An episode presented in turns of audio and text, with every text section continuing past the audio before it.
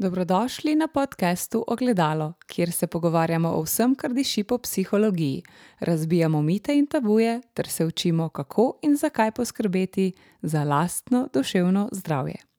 Z vami sem psihologinja Špela Kresnik.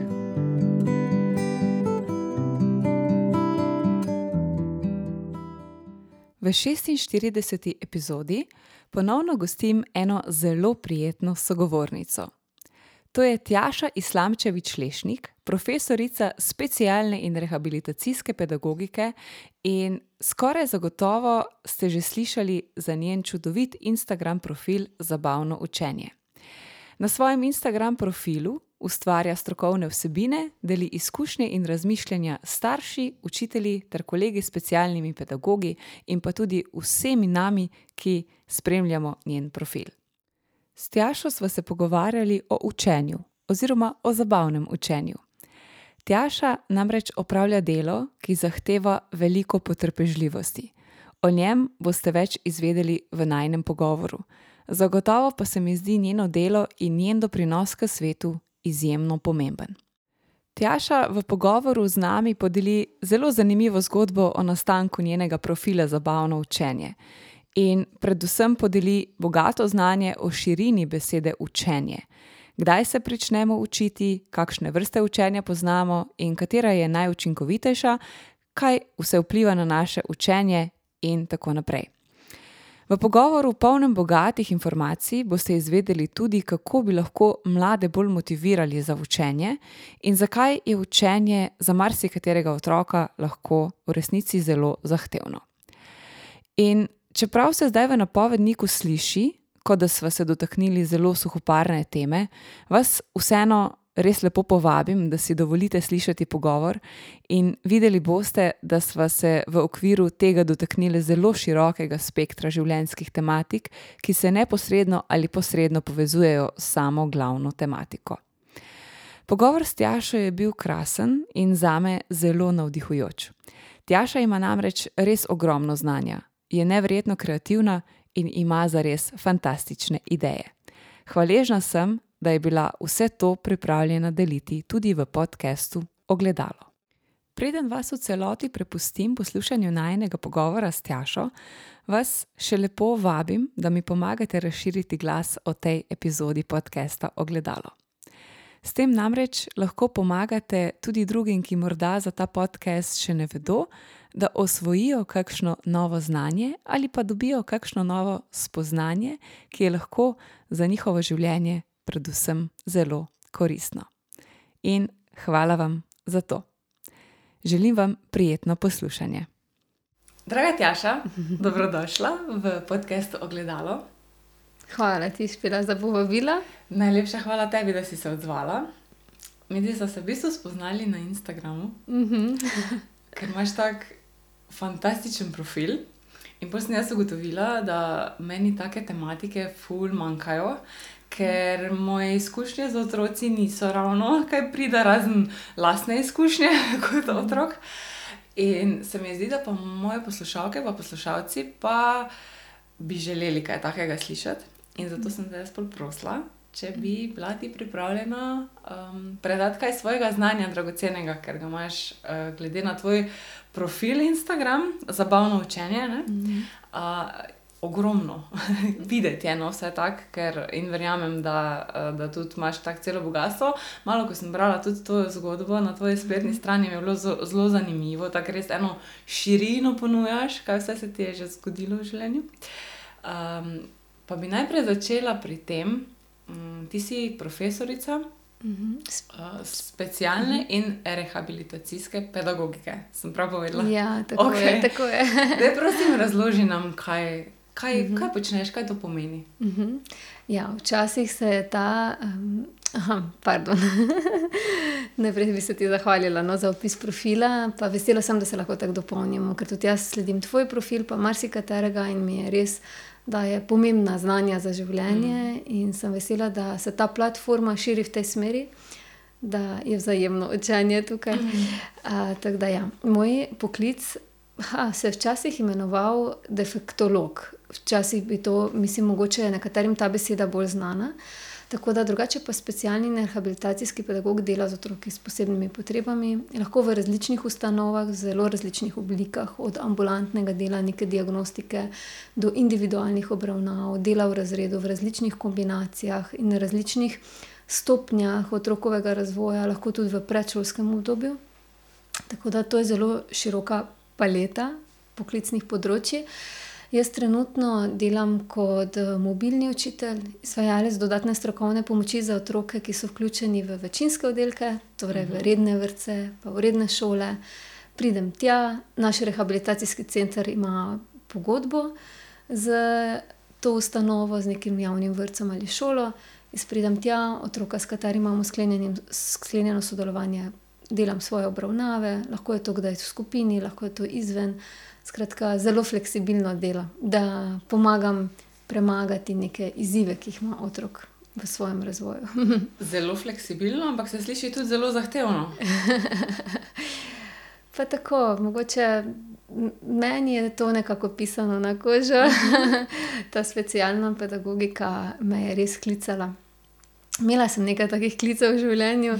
En je bil ta specialna pedagogika, ker moji starši so si zelo želeli, da bi šla na medicino. Pa sem takrat malo prekrila tisti prijavni list doma, da sem spisala specialno pedagogiko na prvo mesto. Potem je bil kakšen klic tudi moj partner, ke je bila zelo močna vez, in se mi zdi, da mi je res bil namenjen, je tudi moj najboljši prijatelj. Potem so še pa kaki drugi.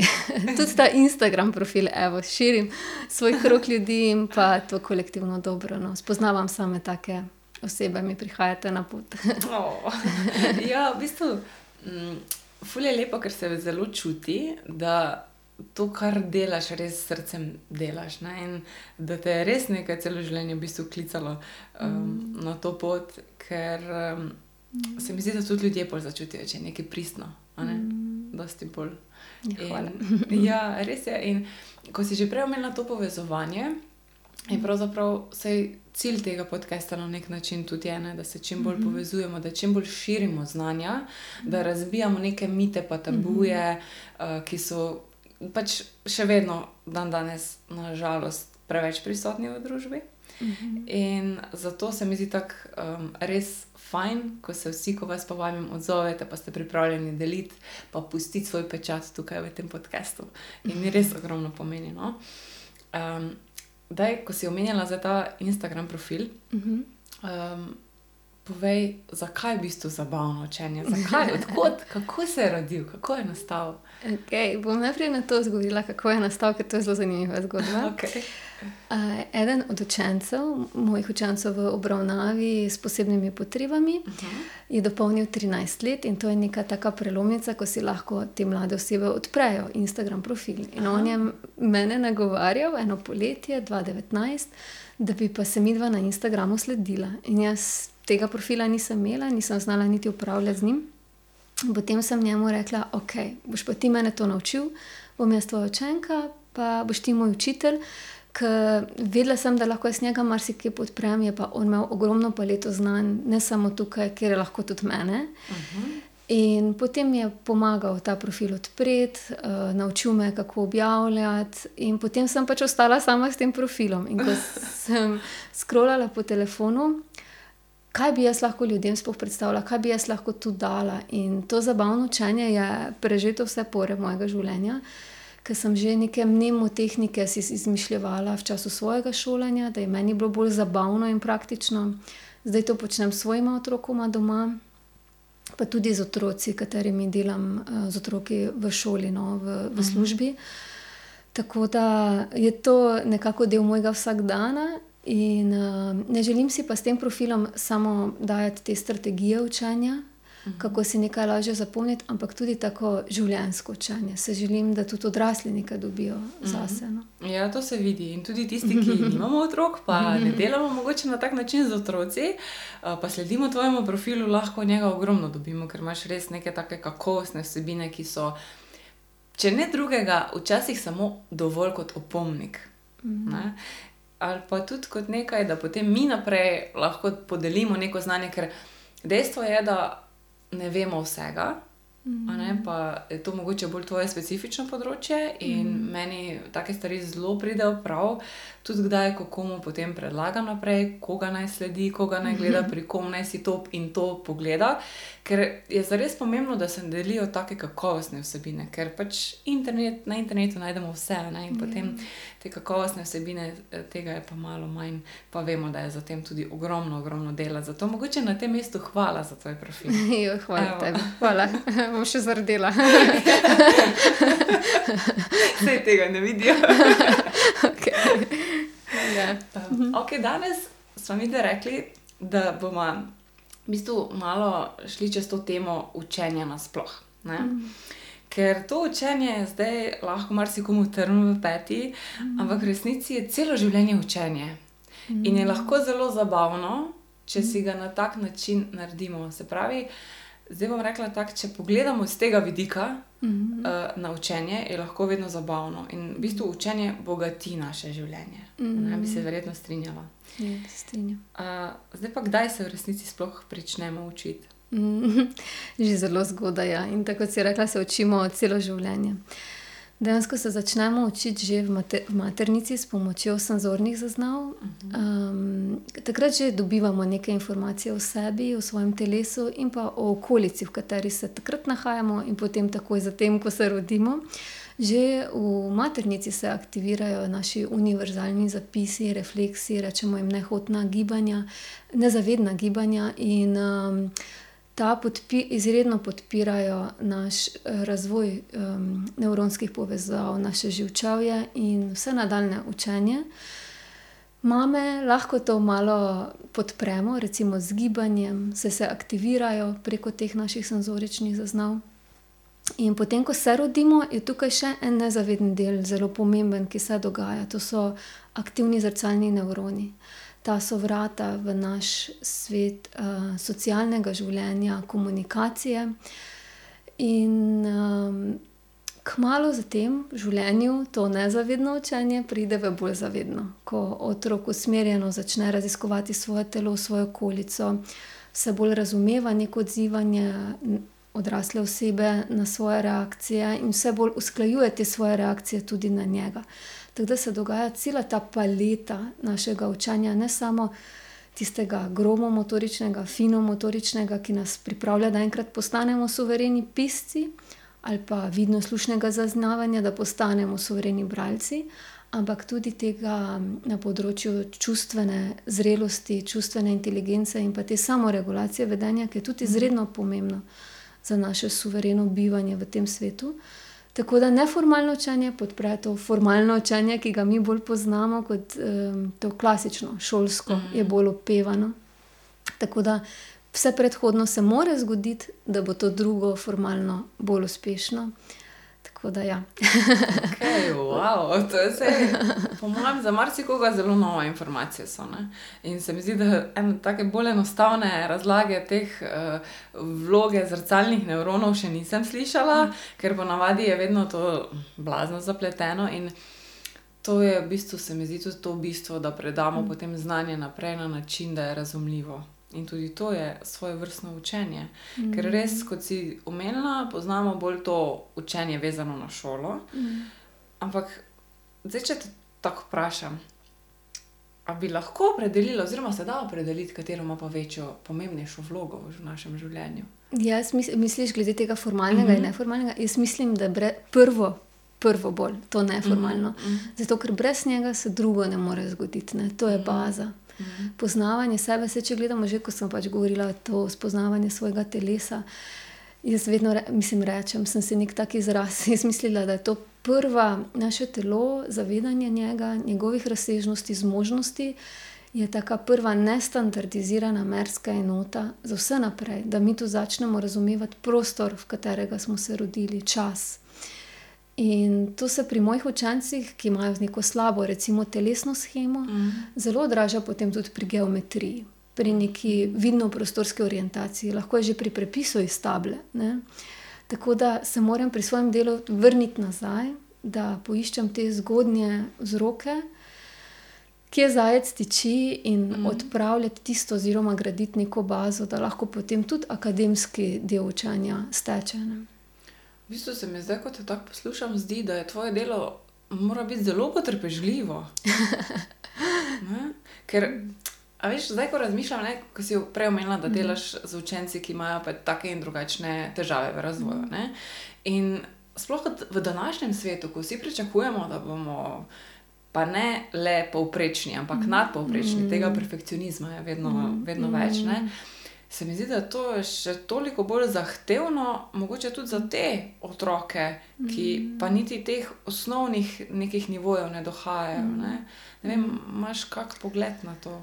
Zagotovo jim ni enostavno, je pa meni posebno darilo delati s temi otroki, zato ker imajo pa druge kompetence, ki smo jih mi mogoče v tem svetu izgubili. Ne. Ljudje, ki blazno strmimo k tej storilnostno storilni naravnanosti na področju na akademskem področju, smo mogoče izgubili tisti trenutek ustavljanja v času, tisto zmožnost ustavljanja v času, hvaležnost za vsako malenkost, ki pride, razveselitev vsakega minimalnega napredka. In meni so tu recimo oni izjemni učitelji, tudi na področju intuicije, sploh zdaj je april je en tak mesec ozaveščanja o avtizmu. Meni so recimo otroci z avtizmom postavili to mesto, da sem se začela spraševati, kdo v resnici sem. Kje sem jaz neko intuicijo izgubila v okviru teh kalupov, v katere sem bila postavljena tekom svojega šolstva. Tako da sem potem začela tudi raziskovati nekoliko bolj ta spiritualni del sebe, ker so mi poslali sporočili, ki so me zelo presenetila, no. Veš, da imam zdaj kurjo kožo, ko to govoriš? Zato ker, sem se spomnila, v bistvu, študija, ko smo imeli en par takih vsebin, ko smo mogli na te, centre, ne centre, varstveno-delovne centre. In smo tam v bistvu bili, preživeli dan z ljudmi, ki so vključeni v te centre. In to je bilo zelo podobno, kar ti zdaj opisuješ, ne. Res te spomni na to, živeti tukaj in zdaj. Pa pristno, predvsem pristno v svojih občutkih, in to se mi zdi, da včasih imamo mi malo preveč filtrov okoli sebe, ne. Sploh pri teh izražanjih, komunikaciji, čustvih. Ne upamo si povedati, bojimo se kritike, bojimo si jo povedati, kaj, kaj bo oziroma kako bojo potem drugi to sprejeli. Tako nepristni smo postali v, v vsem tem in se mi zdi to ena taka zelo, zelo pomembna opomba, no, na, na tem mestu. In, in zelo razumem, kaj, kaj skušaš s tem povedati, kaj ti v resnici dajo. Vračanje k sebi, ne, na neki način. Dejansko. Dejansko. Zelo lepo si to povedala. Ja, ti tudi, v bistvu ti si me spodbudila s tem, da sem res začela razmišljati, pa res, ne, ker vem, da sem takrat, še posebej, ker dejstvo je, da to je neka taka stigma, vsi ti ljudje, ki niso, v bistvu povprečni, tako kot mi ostali, ne, so še vedno neka stigma v okolju. In ne vemo, kako se do njih pristopi, kako zdaj z njimi komunicirati, imamo neki tak rešpekt, ne, bom rekla po domače, in fajn bi bilo, če bi vsak človek lahko imel to izkušnjo tega pristnega stika s temi ljudmi, ker res se lahko ogromno naučimo, tako kot si rekla, od njih, ne. In mogoče se mi zdi to zelo dragoceno, da v tistih, recimo vem, da neke srednje šole zelo spodbujajo to prostovoljstvo in zelo vključujejo že svoje dijake v te sfere in, bi bilo fino, no, da bi bilo tega še, še več, ker tudi to na neki način učenje. Ena izmed, vrst učenja, ne, bi lahko rekli po eni strani. Pa nekaj si jih že prej opredelila. Ampak dajva jih zdaj malo bolj, razložiti, tako kot, da bo, da bo razumljivo pa malo bolj sistematično. Katere vrste učenja zdaj lahko mi opredelimo? Bom se prvo dotaknila tega, kaj učenje sploh je, ker mi bo lažje. Okej. Pa, pardon. Okej, če bi, govorimo o učenju, lahko rečem, da je to vsaka sprememba v vedenju, informiranosti, znanju, razumevanju, stališčih, spretnostih in zmožnostih. Meni je najlažje, če si nekako to definicijo ponovim, da vidim kaj je sploh to, k čemur hočem učenje ustvariti. Ker recimo tvoje področje verjamem, da se zelo dotika recimo vedenja. In verjamem, da si lahko ti tukaj celo bolj močna kot jaz v strategijah, vrstah učenja, ki jih poznaš, recimo vem, da opredeljujete klasično pogojevanje, instrumentalno pogojevanje, potem je lahko kakšno modelno ali pa kognitivno, kjer so posamezniki bolj aktivni. E, tako da jaz se bom bolj navezala na to, na kar se srečujem pri svojem delu. Uh -huh. e, pri učencih, pri njih vidim, da se recimo učijo e, preko izkustvenega učenja. Tu, bi, tu vidim to klasično pogojevanje, -huh. ki nek dražljaj sproži nek odziv. Ne. Lahko je to tudi čist nenamerna situacija, da se v neki situaciji znajdejo in se potem iz tega nekaj naučijo, karkoli. Potem se učijo z modelom, tudi doskrat odigramo pomembno vlogo odraslih, ki modeliramo neko ali vedenje, ali učenje, ali veščino, lahko je pa tudi, tudi modeliranje nekega konkretnega postopka ali česar koli. Potem je lahko učenje s povratno informacijo, tukaj pač iz psihologije vidim to instrumentalno pogojevanje, ne, kjer dobivamo konstantni feedback o tem, uh, ali je neko znanje, razmišljanje o neki informaciji dobro ali ne, ustrezno ali ne ustrezno. Um, potem učenje s povezovanjem, to je že malo ta višja raven, kjer moramo neke svoje izkušnje povezati z nekim novim, kar smo izvedeli, ali pa povezati neke asociacije. Skratka, se moramo nekaj spomniti, nekaj razumeti, pa pač potem to združiti neko sintezo. Potem je lahko to tudi učenje z reševanjem problemov. Um, to, to učenje se me, temu sem jaz zelo naklonjena, sicer je treba imeti neko bazo, da ga lahko izpeljemo. Vidim, da otroci so deležni reše, um, učenja z reševanjem problemov takrat, ko jim recimo odrasli zastavimo nek cilj, ali si ga pa sami izberejo, kaj bi radi mhm. dosegli, in morajo predvideti svoje korake. Da bi prišli do cilja, jih recimo prioritetno razporediti in jih tudi izvesti. Uh, tako da zelo podobno je pa tudi kakšno tako učenje z raziskovanjem. Vidim, da to včasih pri seminarskih nalogah, ko morajo bazo nekih podatkov preglodati, pa mm. potem neko sintezo narediti, da vsebino strnajo, pa jo potem tudi recimo predstavijo. Tako da to je bolj tako vezano na ta šolski spekter, po kakšnih vseh poteh učenje poteka, sploh ko imamo z misli pač mlade ljudi, seveda pa tudi nas to lahko prenašamo. Uh mhm. -huh. Tudi v druge situacije in druga življenjska obdobja. ja, zagotovo. Prej, ko si omenila ta feedback, uh mhm. -huh. to je zdaj recimo en del, s katerim se jaz konstantno zelo uh mhm. -huh. ukvarjam, zaradi tega, ker um, sem trenutno tudi študentka psihoterapije in mm. tam imamo velik poudarek na ta feedback. Ogromno, mm. ogromno je v bistvu zelo je pomembno, kakšen feedback dobivamo od okolice, zato ker nam to tudi potem pomaga regulirati, pa spremenjati neko vedenje. Pa, mm. um, ne na zadnje tudi feedback od sebe, od svojih Sebi. občutkov, ne, kako, se, kako se odzivamo. Pa bi lahko recimo zdaj. Torej, enih teh um, različic učenja je. Mm -hmm. Bi lahko sploh govorili o tem, katera je najbolj učinkovita? Mm. Jaz bi rekla tako, meni se zdi, da lahko govorimo o učenju z vidika učečega ali pa tistega, mm. ki neko znanje eh, podaja v smislu, da spodbuja učenje. Ne? Meni se zdi, da je prav, da se tu vse prepleta. Pri tistem, ki, ki se uči, je fino, da poskusi več poti, zato da bo videl, katera njemu najbolj leži, seveda pa je odvisno tudi od same vsebine učenja, kaj se učimo, ker ena pot ni nujno skladna za vse vrste mm. pridobivanja novega znanja. In tako se mi zdi tudi prav, če je pred nami kakšen otrok, mladostnik, ki ima z učenjem nekaj izzivov, da mu tudi mi, kot tisti, ki predajamo učenje, ponudimo širšo paleto, zato da bo lahko videl, katera z njim najbolj sinhronizira. Se mi pa zdi to pomembno imeti eno pot v mislih, da vseeno učenje poteka po neki tak, taksonomiji, neki mhm. hierarhiji. Ne. Najprej moramo mi nekaj o tistem, s čimer bomo operirali, vedeti, to poznati. Potem moramo to razumeti, neko uporabnost tega, moramo znati to uporabiti in tudi zvajo to uporabljati, da se ustali. In potem moramo znati to analizirati, sintetizirati in evalvirati. Ne. Tako da to so neki koraki, ki jih ne moremo preskočiti. Recimo, bom dala en primer. Če želi učitelj v razredu predati otrokom znanje o vejci, ne bo šel kar na uporabo vejce, ker najprej mora otrok vedeti, kako ta vejca izgleda, da recimo je ne zamenja s podpičjem, uh mhm. -huh. da, to, um, da ni to končno ločilo, ne? da kakšna je njena vloga. In šele potem, ko nekaj osnove o tej vejci ima, lahko mi gremo tudi v razumevanje, v uporabo in vse nadaljne korake. In to nas pač spremlja vse življenje. Tudi, recimo, ko smo bili čist mali dojenčki, ki smo se začeli že premikati po prostoru, pa smo vzeli nek predmet, ki je bil težek. Je zelo pomembno, da spoznamo to lastnost, ker potem bomo v skladu s tem lahko ustrezno ravnali vse. Mm. Vse v nadaljevanju, v zvezi s težkim predmetom, da moramo uporabiti več moči, da bo verjetno bolelo, če bo padlo na nogo, da bomo mogoče težek predmet lahko uporabili, da plastelin lažje razvaljamo.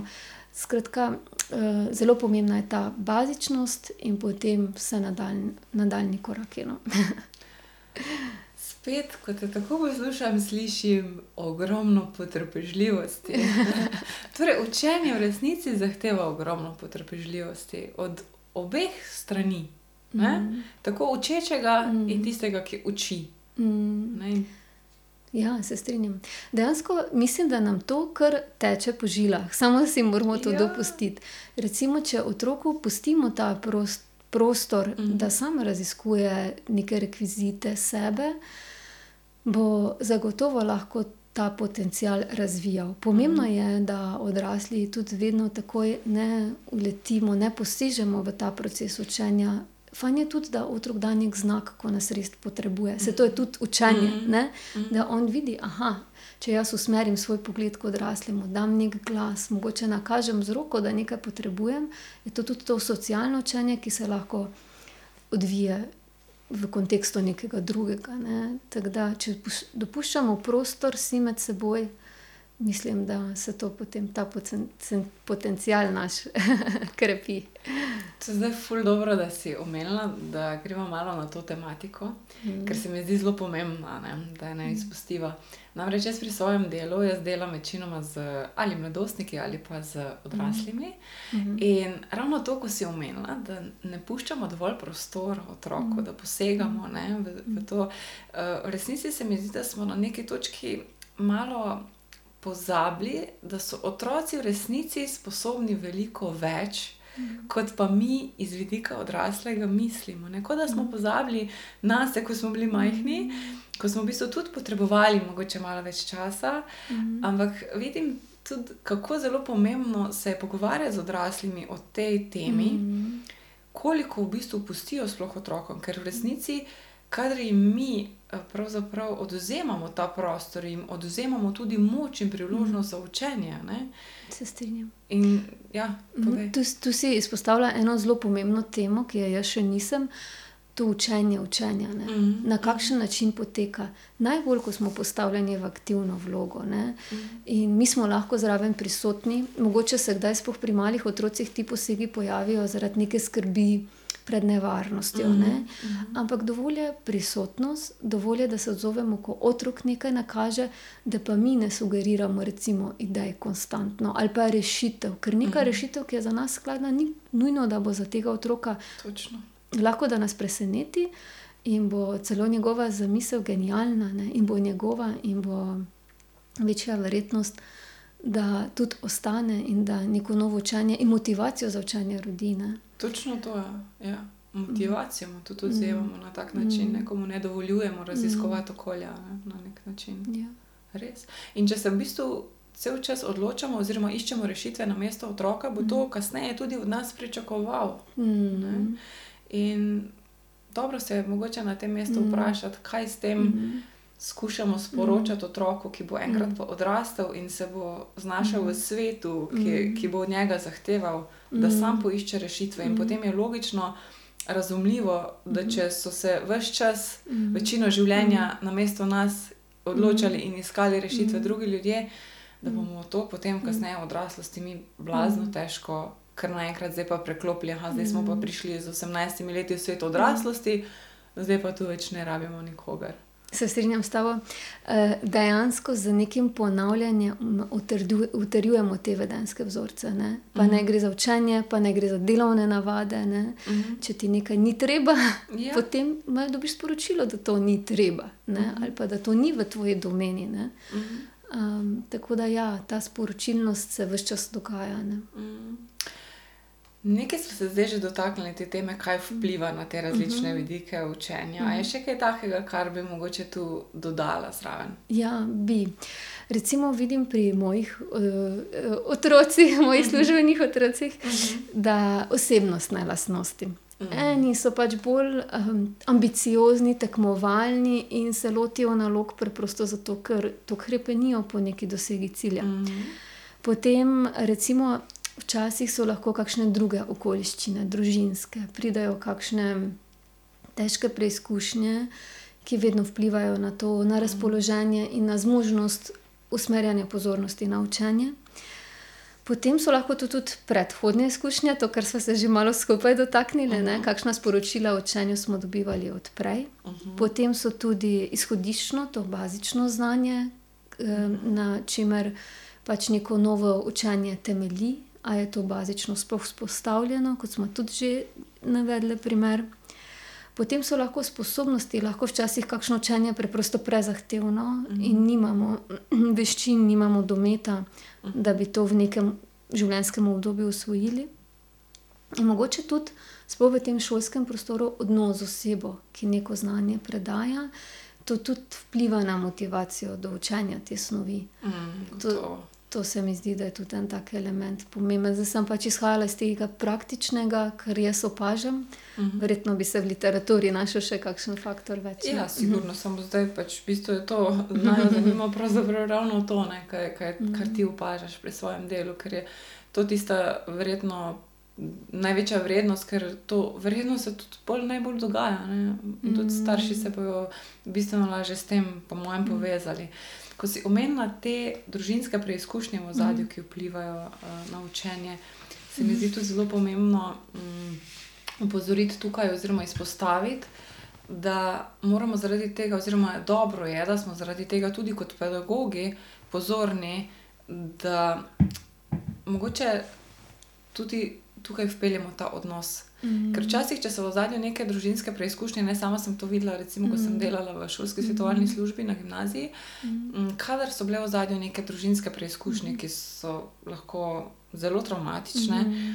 in kadar potem neka oseba zna vzpostaviti nek stik, nek odnos, Mhm. je potem tudi prehod čez to preizkušnjo bistveno lažji. Ne? Mhm. Recimo tudi sama se spomnim ene lastne izkušnje, ko sem uh, v gimnaziji doživela eno smrt bližnje osebe in potem odziv nekega čist XY profesorja, ki ni bil ne um, razrednik, v bistvu sploh ni, ne, ampak samo opazil je in je vprašal, samo pozornost je namenil.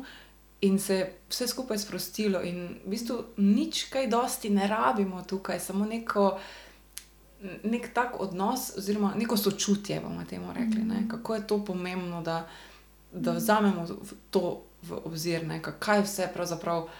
Vse lahko vpliva na, življenje, na, na učenje. Mhm. ne. Se strinjam. Ja. Ja, tu bi jaz lahko tebe na podcast povabila. uh, ja, um, definitivno mislim, da se lahko ta varen prostor ustvari na različnih mestih. Mm. Družino pač imamo v mislih kot neko primarno okolje, ampak ni to nujno, da je vedno najbolj varen prostor. Ja. Lahko tudi to sekundarno šolsko, pač v katerem otroci dosta časa preživijo, postane ta varni prostor za izražanje. In tako si sama tudi rekla, doskrat je poslušanje dovolj, da se tisti kamen srca odvali, da se ustvari ta prostor varnosti, kjer se lahko nekaj sprosti. Um, tako da ja. Mm. Dajmo to še enkrat ponoviti, ali pa dajte nazaj pa preposlušajte. Dosti krat je poslušanje dovolj, ne, ne rabimo mi vedno iskati potem napotkov, pa s- nasvetov, pa rešitev, ne, ker vse, če se v sebe poglobimo, kaj potrebujemo takrat, kadar smo v neki stiski ali pa v zadregi ali pa imamo neko težavo, samo da nas nekdo posluša. Ja. Ne? V resnici ne potrebujemo rešitev, ker itak jih bomo primorani najti. Ne? Samo da damo ven to napetost čustveno, ki jo imamo. Ne? Se strinjam. Ja.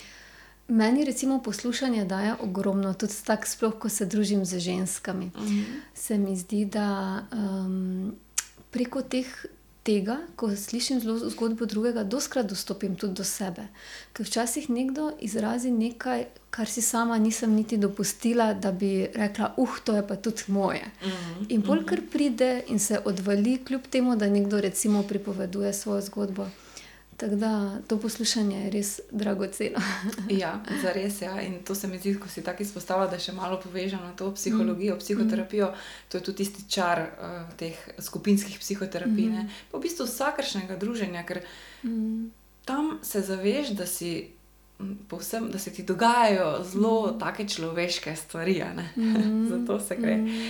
In mm, tudi na tak način se potem učiš in približaš neke vsebine, mm mm. ki ti pa prej niso bile bliže.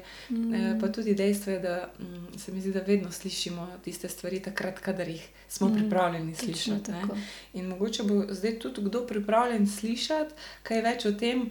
Kako mm. bi lahko motivirali mlade za učenje in jim mm. ga bolj približali, da ne bi zdaj vse to zgledalo, da pa se moramo učiti, ne? ker ko smo v mm. šolah, se večino našega sveta vrti samo okoli tega vprašanja, mm. ali si danes naredila domačo nalogo, ali si se danes učila, kaj pišete naslednji teden. Kako bi zdaj motivirali mlade? Ne, ja. Imaš kakšne napotke? Ja, jaz mislim, da predvsem z osmišljanjem, ko mi vemo, zakaj je nekaj vredno, smo tudi tu pripravljeni malo več angažmaja vložiti. Zdaj, kako bi to naredili pri mladih? Uh, jaz mislim, da če povežemo nekako z njihovimi interesi, nekatere snovi se da. Recimo, razmišljala sem, moj sin je zdaj drugi razred, zelo radi si izmenjujejo sličice z, z sošolci. Uh mhm. -huh. In naslednje leto bodo, ali pa že mogoče proti koncu tega leta, da se točno ne spomnim, mislim, da v tretjem razredu pride na vrsti poštevanka. Jaz mislim, da bi se dalo te paketke recimo, izkoristiti za to, da bi oni videli, da imajo vsi enako število teh paketkov, ko si delijo med sabo, ali pa enako število sličic. Mm. Uh, mislim, da se da poštevanko preplesti v te njihove izkušnje. Potem, recimo pri starejših, bi lahko tudi področje geografije vključili v načrtovanje nekega potovanja, da mladi preko interneta. Wow s katerim so danes uh, vsak dan v uporabi, ne, vsak dan je, so blizu si internetu, da bi mogoče načrtovali pa pot ali z vlakom, ali z letalom, celo še denar lahko vključimo, uporabo mm. denarja um, načrtovanje stroškov, potem kako se bo mogel obleči, kakšna je tam klima, kako, kaj bom si lahko ogledal, s čim se ljudje tam ukvarjajo, ali bom lahko kaj kupil. To se da zelo preplesti na ta način, da je enkrat kasneje v življenju tudi uporabno. Ali pa celo, če šola načrtuje neko ekskurzijo, lahko to mal preda mladim, da se v to organizacijo vključijo in kaj naštudirajo. Recimo, tudi eh, tako razmišljam včasih, ko dobijo v kakšnih šolah mladi možnost, da se izrazijo, kaj jim ni všeč in kaj jim je, in eni so želeli podaljšati odmor. Se mi zdi tudi idealna priložnost za pouk slovenščine, formalno pismo ravnatelju, recimo to uradno pismo, da bi ga kot razred recimo napisali, kakšne elemente mora biti, ne? ker neuradno z neuradnim pismom so dosti bolj, se mi zdi, mladi v stiku med sabo ali pa um, z SMS-i in tako naprej, da se ta struktura ponovi na nek drugačen, praktičen način. Seveda, zdaj sem se spomnila tudi ene tvoje objave. Ni pa vsako učenje možno na tak način usmisliti. Včasih je tudi kakšnega balasta, uh, skozi katerega pa lahko razvijamo svoje učne strategije, ker to je pač tisto, kar moš pregledati in mm. si prisiljen, da najdeš pot, po kateri se boš učil. In se spomnim, enkrat si ti napisala v tem smislu, koliko si že imaš ur učenja za sabo, koliko, kakšen obseg, da se danes tudi učiš mm. um, tisto, kar te pa res veseli. Mm. Ampak to je bila neka baza, da lahko pregledamo tisto, kar si želimo, tudi da ugotovimo, po kakšni mm -hmm. poti se jaz sploh učim. Ker ko je nekaj lahko, takoj steče. Mm -hmm. Ko pa je nekaj težko, takrat pa je treba o tem razmisliti. Mm -hmm. Drugače se mi zdi pač tudi ok, mogoče z vidika starša doma, da ima otrok kontrolo nad vlastnim učenjem, da lahko izbere čas, v katerem se bo učil. Se ve, kdaj je tisti uh, prostor, razvedrilo. Da, tudi pomembno je zelo, da pri tistem, kar otrok usvaja, da so cilji razumljivi in dosegljivi, da ni učenje prezahtevno ali pa prelahko, ker tudi to prelahko je lahko demotivirajoče. Um, to, kar smo že danes rekli, tudi učenje učenja, da otrok ugotovi, v kakšnih pogojih se rad uči. Ali je to tišina, ali je to na prostem, ali pri kakšni razsvetljavi, ali je to v nekem urejenem domačem okolju, v stalnem.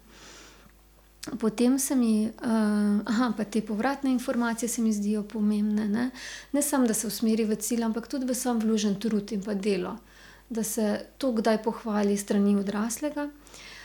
Zelo pomembna se mi pa zdi tudi skrb za zdrav življenjski slog, v smislu, eno, en aspekt tega je ta varnost. Če bi le mladostnik, otrok uspel nekje dobiti to, ali doma, mm. ali v nekem času bivanja v šoli, ali s kom drugim, da, da ve, da, da je nekje varen, da um, se bo lahko izrazil. Um, Potem recimo dobro hrana, športna aktivnost in pa spanje. No, tudi ta vidik se mi zdi izredno pomemben pred in po učenju, pred zato, da smo bolj zbrani in da smo manj razdražljivi, ker neprespanost vpliva na aktivacijo naše mhm. amigdale. -hmm.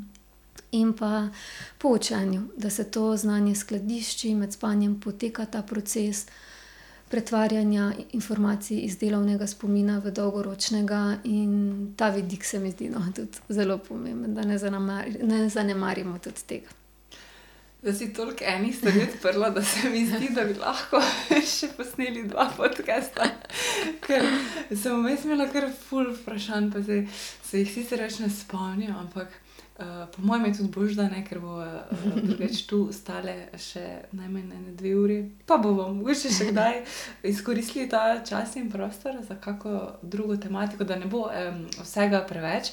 Ampak je, je, je ful, ful, ful, ful dobro vse, kar si povedala. Bi se navezala na, mm, na to kontrolo nad vlastnim učenjem. Mm -hmm.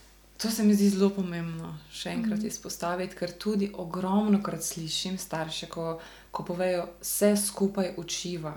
Mm. In potem se mi zdi, da tu otrok nima ravno kontrole nad vlastnim mm. učenjem. Mm. Kaj je tvoje mnenje glede tega? Ja, jaz recimo lahko zdaj tu povem iz starševske mm. vloge, ker imam doma pač, um, tudi te izkušnje. Moja črka je zdaj peti razred. Uh, pri določenih predmetih se zelo težko motivira za učenje. Uh mhm. -huh. In jaz jo do neke mere moram podpreti, da uh -huh. ona mhm. naredi načrt. Pri načrtu jo moram podpreti, tu sama ni tako zelo dobro organizirana in iznajdljiva. Uh -huh. Tako da, recimo, jo vprašam, zdaj, na srečo ima njena učiteljica tak sistem, da da vprašanja, na katera morajo znati odgovoriti, in to je neka glavna, uh, mislim, poglavitna snov, ki jo morajo znati in jo tudi zajame v ocenjevanjih. Uh -huh.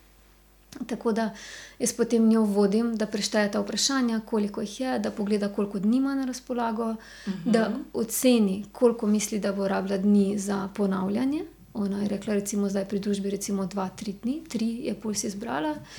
In v tistih dnevih predtem, mislim, da jih ima njih deset, se je odločila, da se bo vsak dan naučila pet vprašanj. In zdaj je pač to njeno, da zdaj sem jaz njo pustila samo.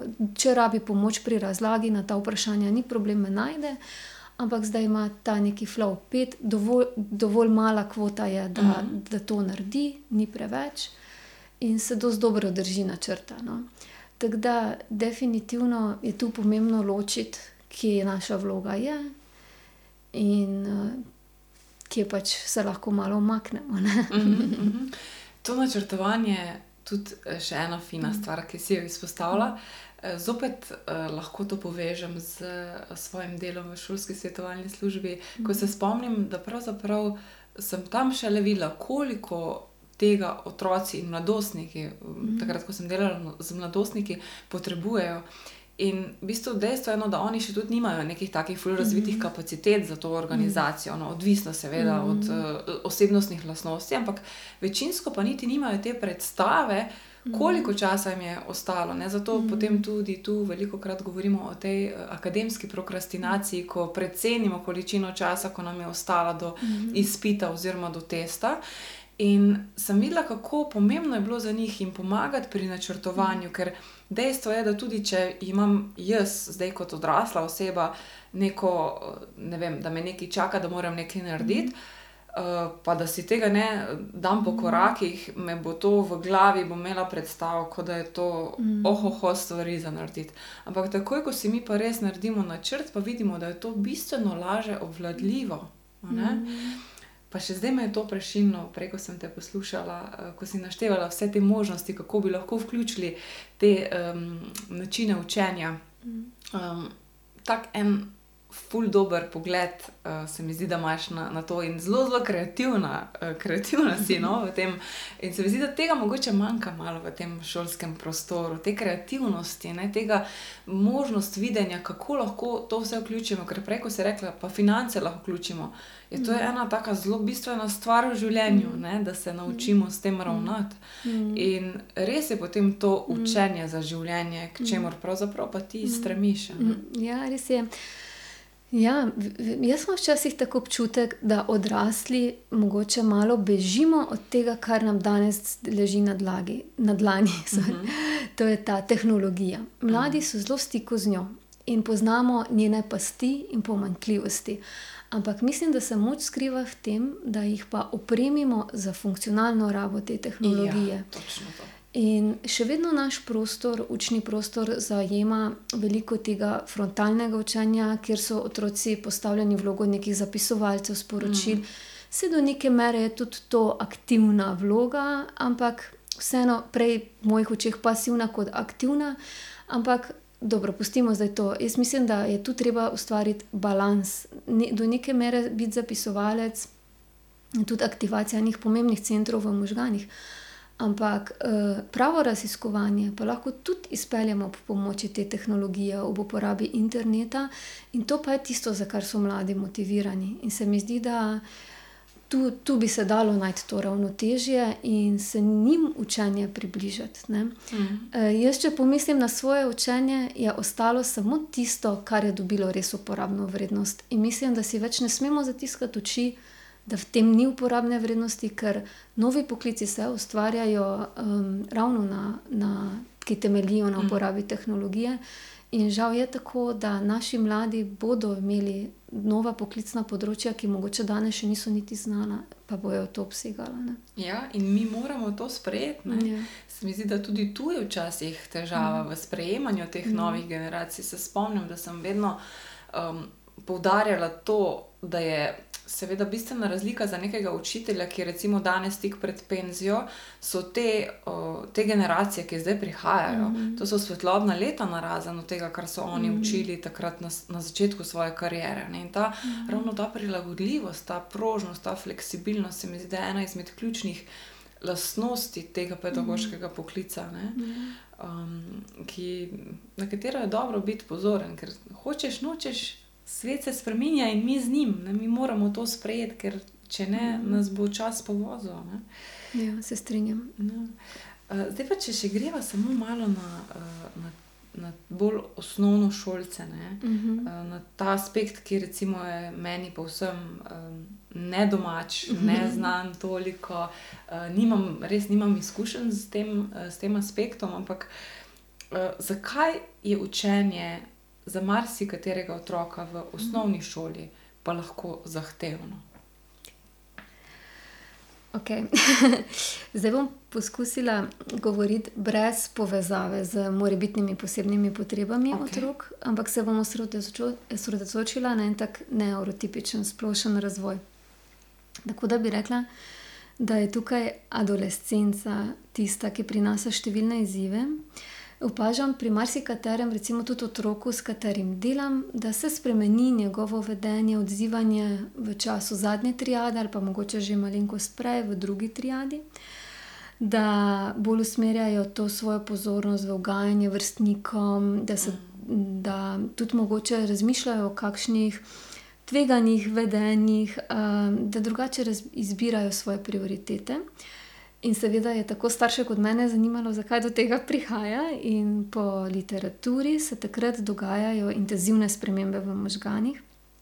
Tako da intenzivno se razvija prednji korteks, ki je odgovoren za kompleksno razmišljanje, odlo odločanje in nadzor impulzov.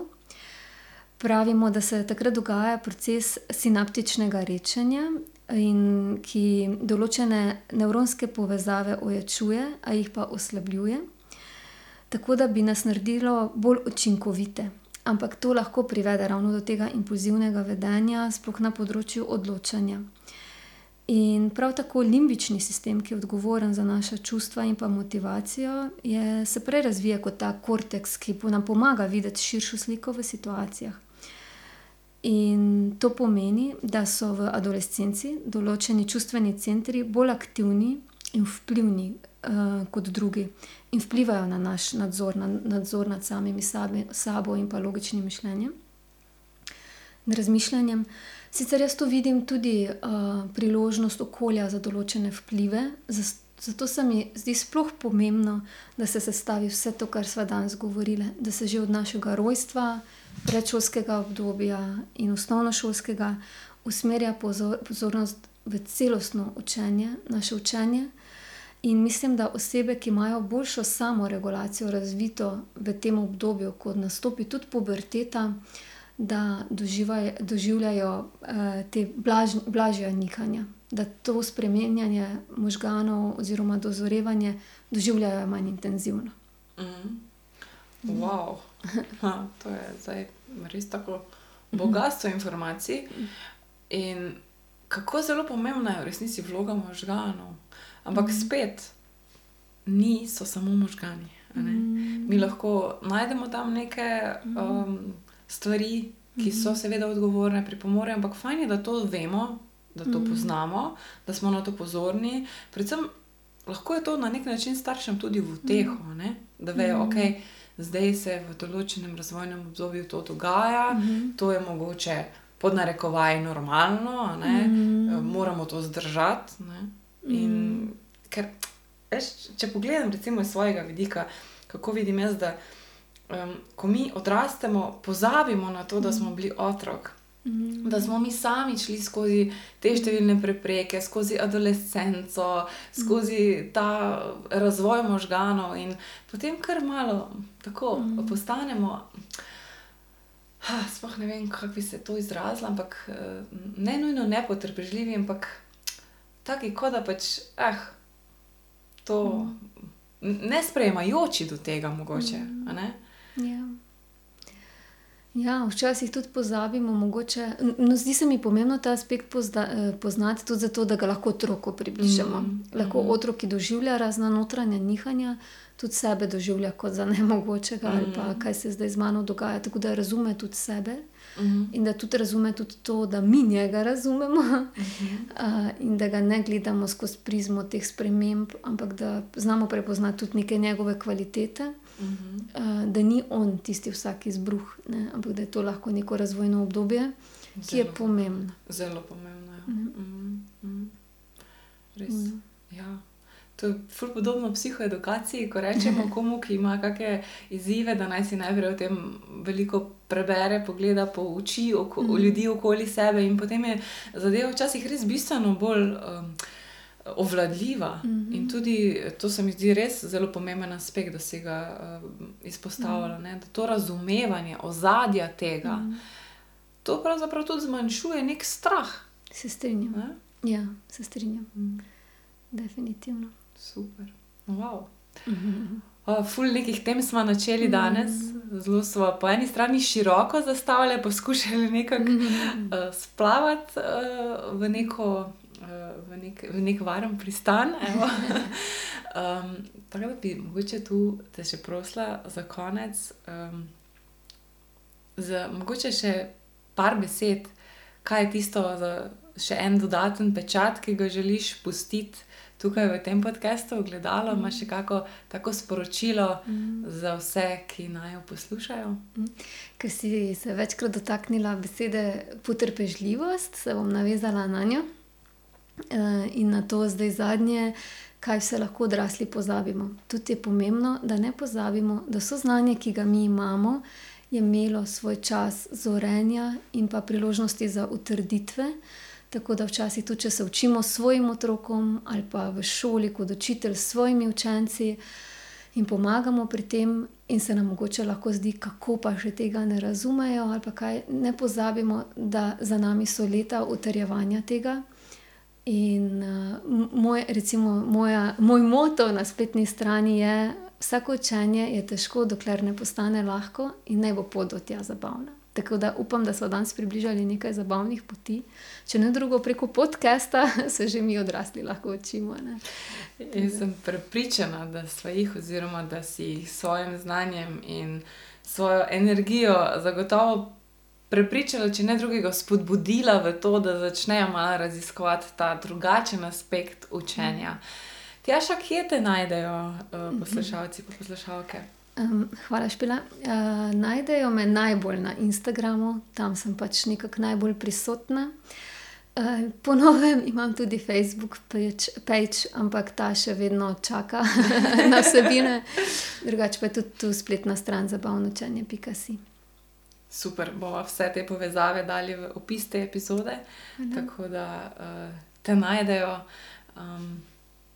Hvala ti res iz srca za vso podeljeno znanje, ker se mi zdi, da je to res ena tako bogata epizoda. Pa se mi zdi, da vedno, ko kaj tako posnamem, da se mi zdi, da, niko, da, da je že to, to da, da so tako top epizode, ampak vedno znova z novimi gosti se mi zdi, da je to spet nek, neke nove aspekte odpiramo in da.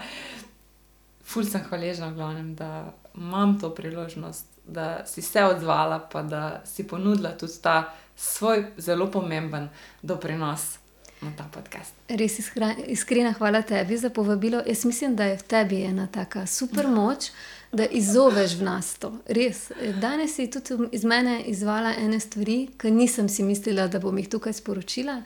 Tako da hvala ti, upam, da bo poslušalcem v navdih. Zdaj sem pa jaz zardela. hvala. Hvala ker ste to epizodo poslušali do konca.